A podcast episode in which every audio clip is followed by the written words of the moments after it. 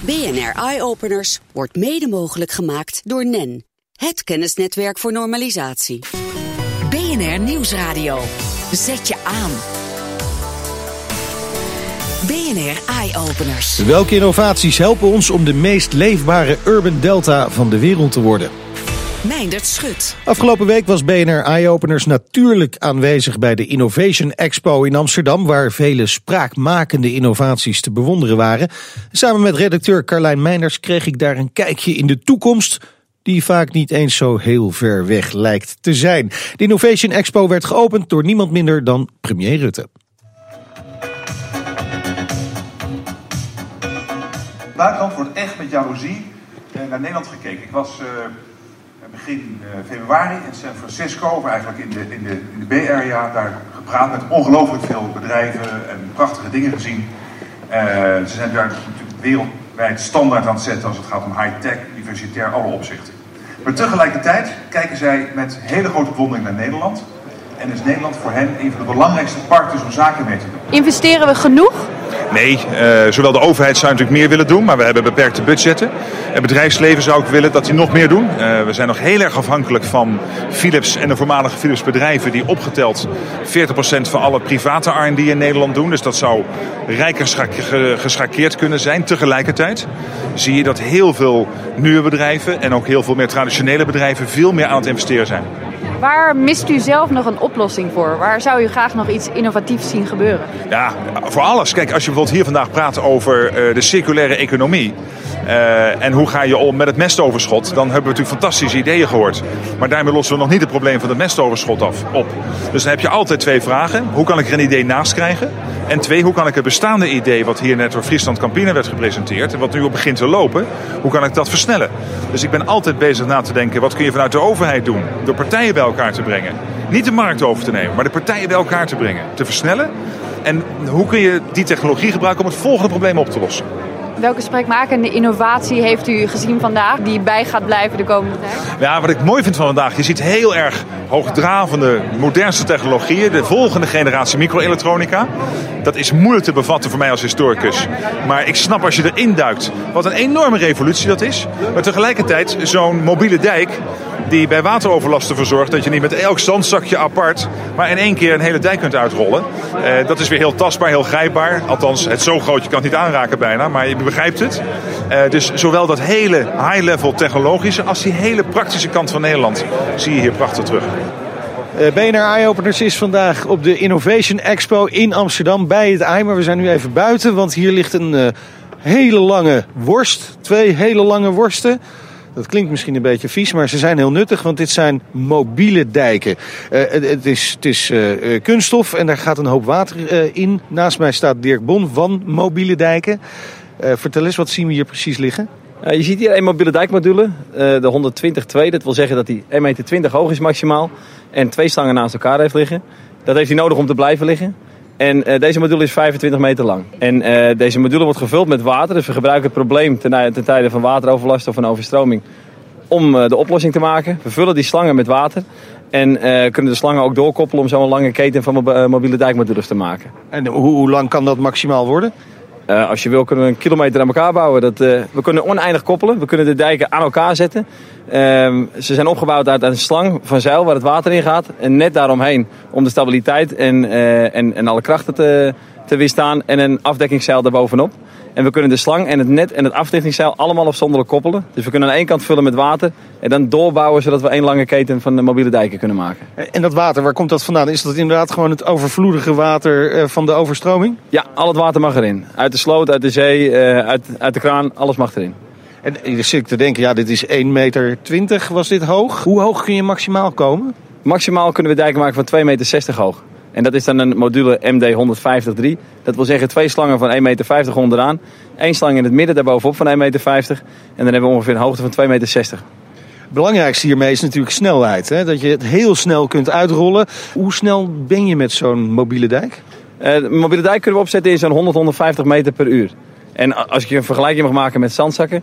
Als we 100 meter dijk nodig hebben van een meter hoog. En dat wil je in één uur tijd neerzetten. Heb je 13.000 zandzakken nodig. En 47 vrachtwagens met zand. En als iedereen elke twee minuten of twee, drie minuten een zandzak vult, dan heb je 350 mensen nodig.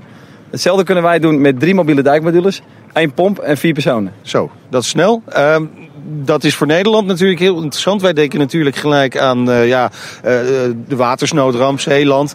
Had je daar die hele hoge dijken dan voor nodig? Had je het daarmee kunnen redden?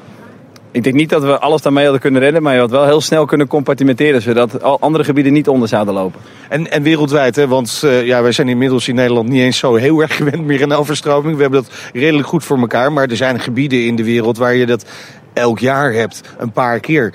Kunnen jullie heel makkelijk inderdaad richting het buitenland met deze mobiele dijken? Ja, zeker. We kijken natuurlijk ook met de schuin nog naar Engeland daar hebben ze best wel veel problemen. En hun watersystemen zijn niet berekend op die, die hevige regenval. Zoals dat hier iets beter georganiseerd is. En daar willen we zeker ook naartoe en, en laten zien wat we kunnen. Hebben jullie het al een beetje in de praktijk kunnen testen? Uh, we hebben in Nederland twee testen kunnen doen. En uh, we zijn volop in gesprek met, met waterschappen en, en, bijvoorbeeld grote bedrijven om te laten zien wat het kan en, en, en uit te leggen hoe het werkt. En in Duitsland zijn er al een paar grotere inzetten gemaakt. Een mooie oplossing tegen overvloedig water, maar dat is niet ons enige probleem. Wat dacht je van CO2? Is ook iets te veel van in de lucht dan. Maar ook daar zijn slimme oplossingen voor te bedenken. Ik ben Bas Sejan van uh, Greensand en wij ruimen CO2 op met het mineraal olifijn.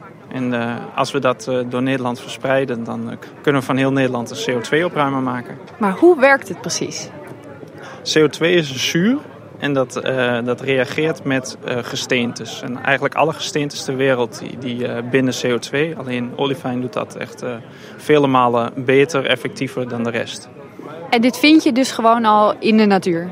Ja, het is echt een natuurlijk mineraal. Het is een derde van het aardoppervlak. En eigenlijk, uh, ja, de, de natuur gebruikt dit al miljoenen jaren om, uh, om de balans uh, van de CO2 in, in de lucht goed te houden. En in wat voor vorm kunnen we dat dan gaan toepassen zodat dat nog beter wordt? Nou ja, wat, wat je ziet is dat olifijn in principe vrij kwam bij vulkanen. En nou ja, die stoten heel veel CO2 uit. En dat over uh, vele honderden, duizenden jaren uh, dat die berg olifijn die vrijkwam, dat heel langzaam weer afbrak. In combinatie met bomen uiteraard. Maar als je dat product, of het mineraal, die berg nou kleiner gaat maken. Dus eigenlijk zoals we het al jaren doen voor alles wat wij hier gebruiken. Er ligt hier een grindpad of uh, we hebben hier bestrating waar je zand tussen de stenen strooit. Als je nou olifijn daarvoor gaat gebruiken, ga je dus het oppervlakte wat daadwerkelijk kan reageren met de CO2, ga je vergroten. Waardoor je dus van je wandelpad of van je parkeerplaats een CO2-opruimer maakt. En het winnen van dit gesteente, kost dat dan niet heel veel energie? Dat kost energie. Uh, dat stoot ook CO2 uit. Dat hoort er gewoon bij. Alleen uh, uit, uit de onderzoeken die daarbij gedaan zijn, al, uh, cijfers die daar allemaal bij horen, blijkt dat wij een rendement hebben van 92 tot 96 procent. Dus eigenlijk alleen die 4 tot 8 procent hebben wij nodig om onze eigen CO2-uitstoot voor winning en transport op te ruimen. Dus Wat is nog de uitdaging? Waarom ligt het niet nu al overal? De naamsbekendheid uh, begint langzaam te komen. Dus de, echt de marketing, dat is wel, mensen, mensen kennen het nog niet. En het feit dat eigenlijk iedereen denkt van ja, het gaat niet zo snel. Het is natuurlijke verwering. We versnellen het wel doordat we het materiaal kleiner maken. Alleen het gaat niet heel snel. En mensen zeggen allemaal volgende week woensdag om 12 uur moet die CO2 allemaal uit de lucht. Dan moeten we weer op 280 parts per million zitten. En dan moet het weer helemaal voor elkaar zijn. Maar die mensen vergeten dat we er 150 jaar over hebben gedaan om al die rotzooi de lucht in te blazen. Plus dat we nog steeds heel veel uitstoten. We moeten met z'n allen wat doen. Dat zeggen we in Parijs, dat zeggen de overheden met al hun doelstellingen. We moeten wat doen. We moeten niet alleen reduceren, maar we moeten ook onze eigen rotzooi opruimen. En niet alleen start-ups zijn vertegenwoordigd op de Innovation Expo, ook multinationals, zoals DSM. Ik sprak met Rob van Leen, de Chief Innovation Officer.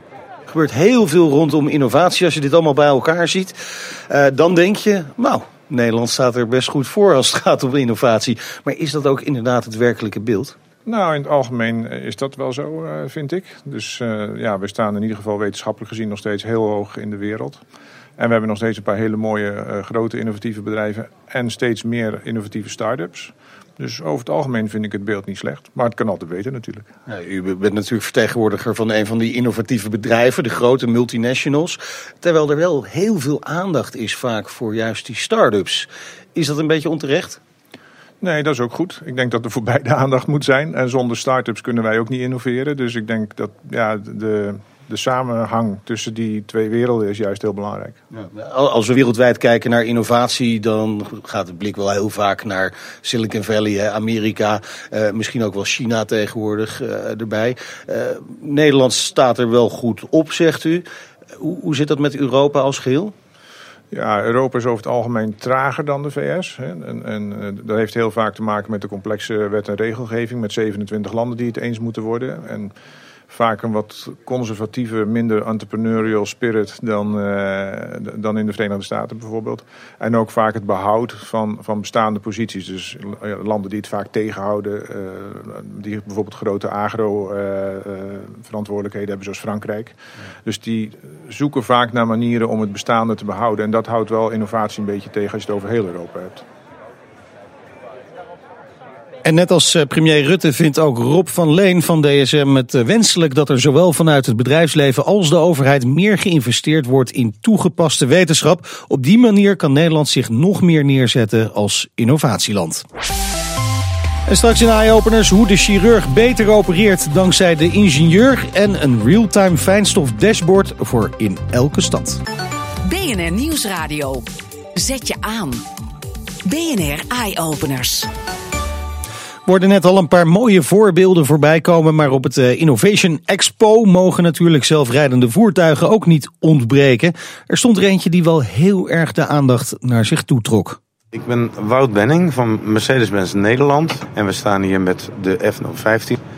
En dat is een auto uh, ja, waar we eigenlijk tonen wat op autonoom gebied allemaal mogelijk is. Ja, want we staan hier voor een, een futuristische auto, zilverkleurend met mooie blauwe lampjes erin. Laten we even in de auto gaan zitten. Het ziet er enorm uh, luxe uit. En dus zoals je de zelfrijdende auto een beetje voorstelt, de stoelen kunnen gewoon andersom draaien. Je hoeft helemaal niet meer door de voorruit te kunnen kijken, want hij doet het allemaal zelf. Je ziet hier de stuurkolom, die kan gewoon in het dashboard helemaal wegzakken.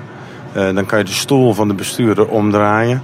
En dan heb je eigenlijk de mogelijkheid om vis-à-vis -vis ten opzichte van elkaar te gaan zitten.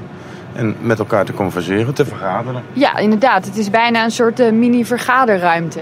Ja, dat klopt. Nou ja, zo zou je het ook kunnen zien.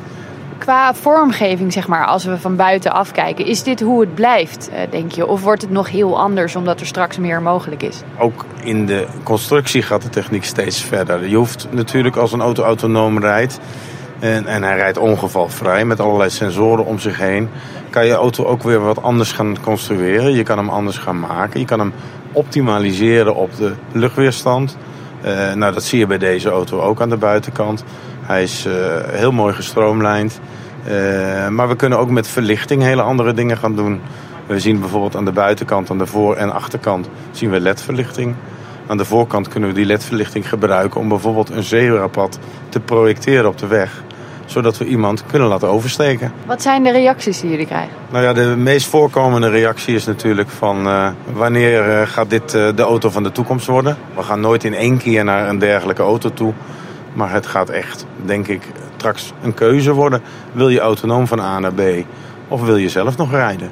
Een keuze voor de toekomst dus. Wil je nou zien hoe deze Mercedes eruit ziet? Of heb je interesse in alle andere innovaties die voorbij kwamen? Ga dan even naar ons Twitter-kanaal, BNR Eyeopeners. Of kijk even op Facebook, daar kun je ons ook vinden. Er staan ook allemaal foto's te zien. BNR Nieuwsradio. BNR Eyeopeners. Een dashboard waarop stadsbestuurders real-time kunnen zien hoe het ervoor staat met fijnstof in hun regio. Dit project van TNO, dat werd gepresenteerd tijdens de Innovation Expo, moet de stad een stuk leefbaarder gaan maken. Erika de Veiter, projectmanager, welkom in de uitzending. Dankjewel. Hoe moet ik me zo'n dashboard precies voorstellen? Ja, we ontwikkelen het dashboard samen met de gemeente Rotterdam. En Stadsdashboard Rotterdam is een interactieve website waarmee je inzicht kan krijgen in uh, de staat van de stad op het gebied van de verkeersstromen, logistieke stromen en luchtkwaliteit. En die informatie die kan ik dus real-time allemaal zien op dat ene dashboard? Juist, dat is eigenlijk een website uh, die je kan bekijken en iedere ja. 10 minuten ververs wordt. Het is real-time in principe, maar ik begrepen dat je ook terug in de tijd kunt kijken? Klopt, we hebben nu voor anderhalf jaar data erin zitten. Oké, okay, dus je kunt het vergelijken met een eerdere periode, dagen met dagen vergelijken, dat is allemaal mogelijk? Ja, en dat maakt het dashboard zo ideaal om maatregelen te kunnen evalueren. Oké, okay. dat is wel belangrijk, hè? want die informatie, daar gaan beslissingen op gemaakt worden. Welke technieken worden er allemaal gebruikt om dit mogelijk te maken? Ja, nou, wat een belangrijk element is natuurlijk dat we zoveel mogelijk op gemeten data baseren. Dan moet je denken aan uh, tellussen in het wegdek, data uit uh, verkeerslichten, kentekenherkenningscamera's. Maar er zijn ook plekken waar je geen data hebt. Op die plekken proberen we met schattingsalgoritmes toch waardes te bepalen, te schatten, zodat we toch daar informatie over hebben. Okay. Daarnaast gebruiken we luchtkwaliteitsmodellen om ook de impact op de luchtkwaliteit Oké, en zo kun je dus zo'n hele stad of regio in kaart brengen. En dan weten we ook dus straks waar de luchtkwaliteit slecht is, waar die uh, slechter is geworden in de loop van de tijd, uh, maar misschien ook waar die verbeterd is in de loop van de tijd. Ja, zeker. En wat, wat kunnen we daarmee doen precies? Ik kan me voorstellen dat stadsbestuurders daar iets mee kunnen doen. Die kunnen bijvoorbeeld milieuzones instellen. Ja, op het moment dat je weet waar je knelpunten in je stad zitten op het gebied van verkeer of luchtkwaliteit, dan kan je natuurlijk maatregelen daarvoor toepassen. Om dat te kunnen doen is het wel belangrijk dat je weet wie moet ik hiervoor aanschrijven, hè, wat is mijn doelgroep uh, voor de maatregel. En daarom hebben we ook specifieke informatie over voertuigkenmerken die erin zitten. Dus ja. we weten ook van, wordt die hoge stikstofdioxide nou veroorzaakt door bestelwagens of door personenwagens. Oké, okay, maar, maar krijgen we dan niet in heel Nederland allemaal verspreid over die steden allerlei milieuzones? Ik denk dat uh, dat niet zozeer het risico is. Wat je hiermee kan is veel meer gedetailleerde informatie hebben. Wat je zou kunnen doen is een milieuzone niet heel stat statisch maken waarbij je zegt, hey, er mag geen verkeer uh, van dit type in de, nooit te inrijden. Maar dat je zegt van hé, hey, op het moment dat we aan onze luchtkwaliteitsnormen komen, op dat moment gaan we bepaalde voertuigen weren. Juist, bijvoorbeeld tussen 6 en 9, om maar iets, iets te noemen. Uh, dat zou een kans hebben, ja. ja. bijvoorbeeld. op dit moment wordt het systeem getest. Hoe lang duurt het nog voordat het in heel Nederland te gebruik is voor alle stadsbestuurders? Ja, we ontwikkelen nu in dit specifieke project het samen met de gemeente Rotterdam. En uh, we zijn zelf meteen ook bezig om het op te schalen naar heel, heel Nederland. Uh, maar daarnaast ook voor meerdere domeinen. Dus ook te kijken van wat, wat hè, is, de, is de stad nou smart op het gebied van economie of op gezondheid. Want het is een stuk breder. En zo gaat data ons helpen om de stad een stuk leefbaarder te maken. Hartelijk dank Erika de Feiter van TNO en heel veel succes met het project. BNR Eye Openers. Meindert Schut. Ja, we gaan naar de operatierobot die tot vijf keer nauwkeuriger kan werken dan de chirurg zelf. Die bestaat inmiddels. Het eerste exemplaar van dit hyperprecieze apparaat is net af en wordt komend jaar getest in het UMC Maastricht. Ontwikkelaar Raimondo Kou die vertelt verslaggever Elfanie Toulaar in welke behoeften de robot nou precies voorziet. Uh, nou, professor René van der Huls kwam naar ons toe omdat uh, zijn, zijn uh, vakgroep, de plastische chirurgie, en daarbij is het heel belangrijk dat ook bloedvaten en zenuwen weer netjes gereconstrueerd worden. En dat gebeurt nu met de hand en dat is ontzettend moeilijk. Er zijn maar 40 chirurgen in Nederland die dat goed kunnen. Maar ook die experts die dat nu kunnen, die kunnen het over 10 jaar misschien wat minder goed, omdat ze steeds ouder worden en dus ook steeds meer gaan trillen. Want hoe nauwkeurig werken deze armpjes?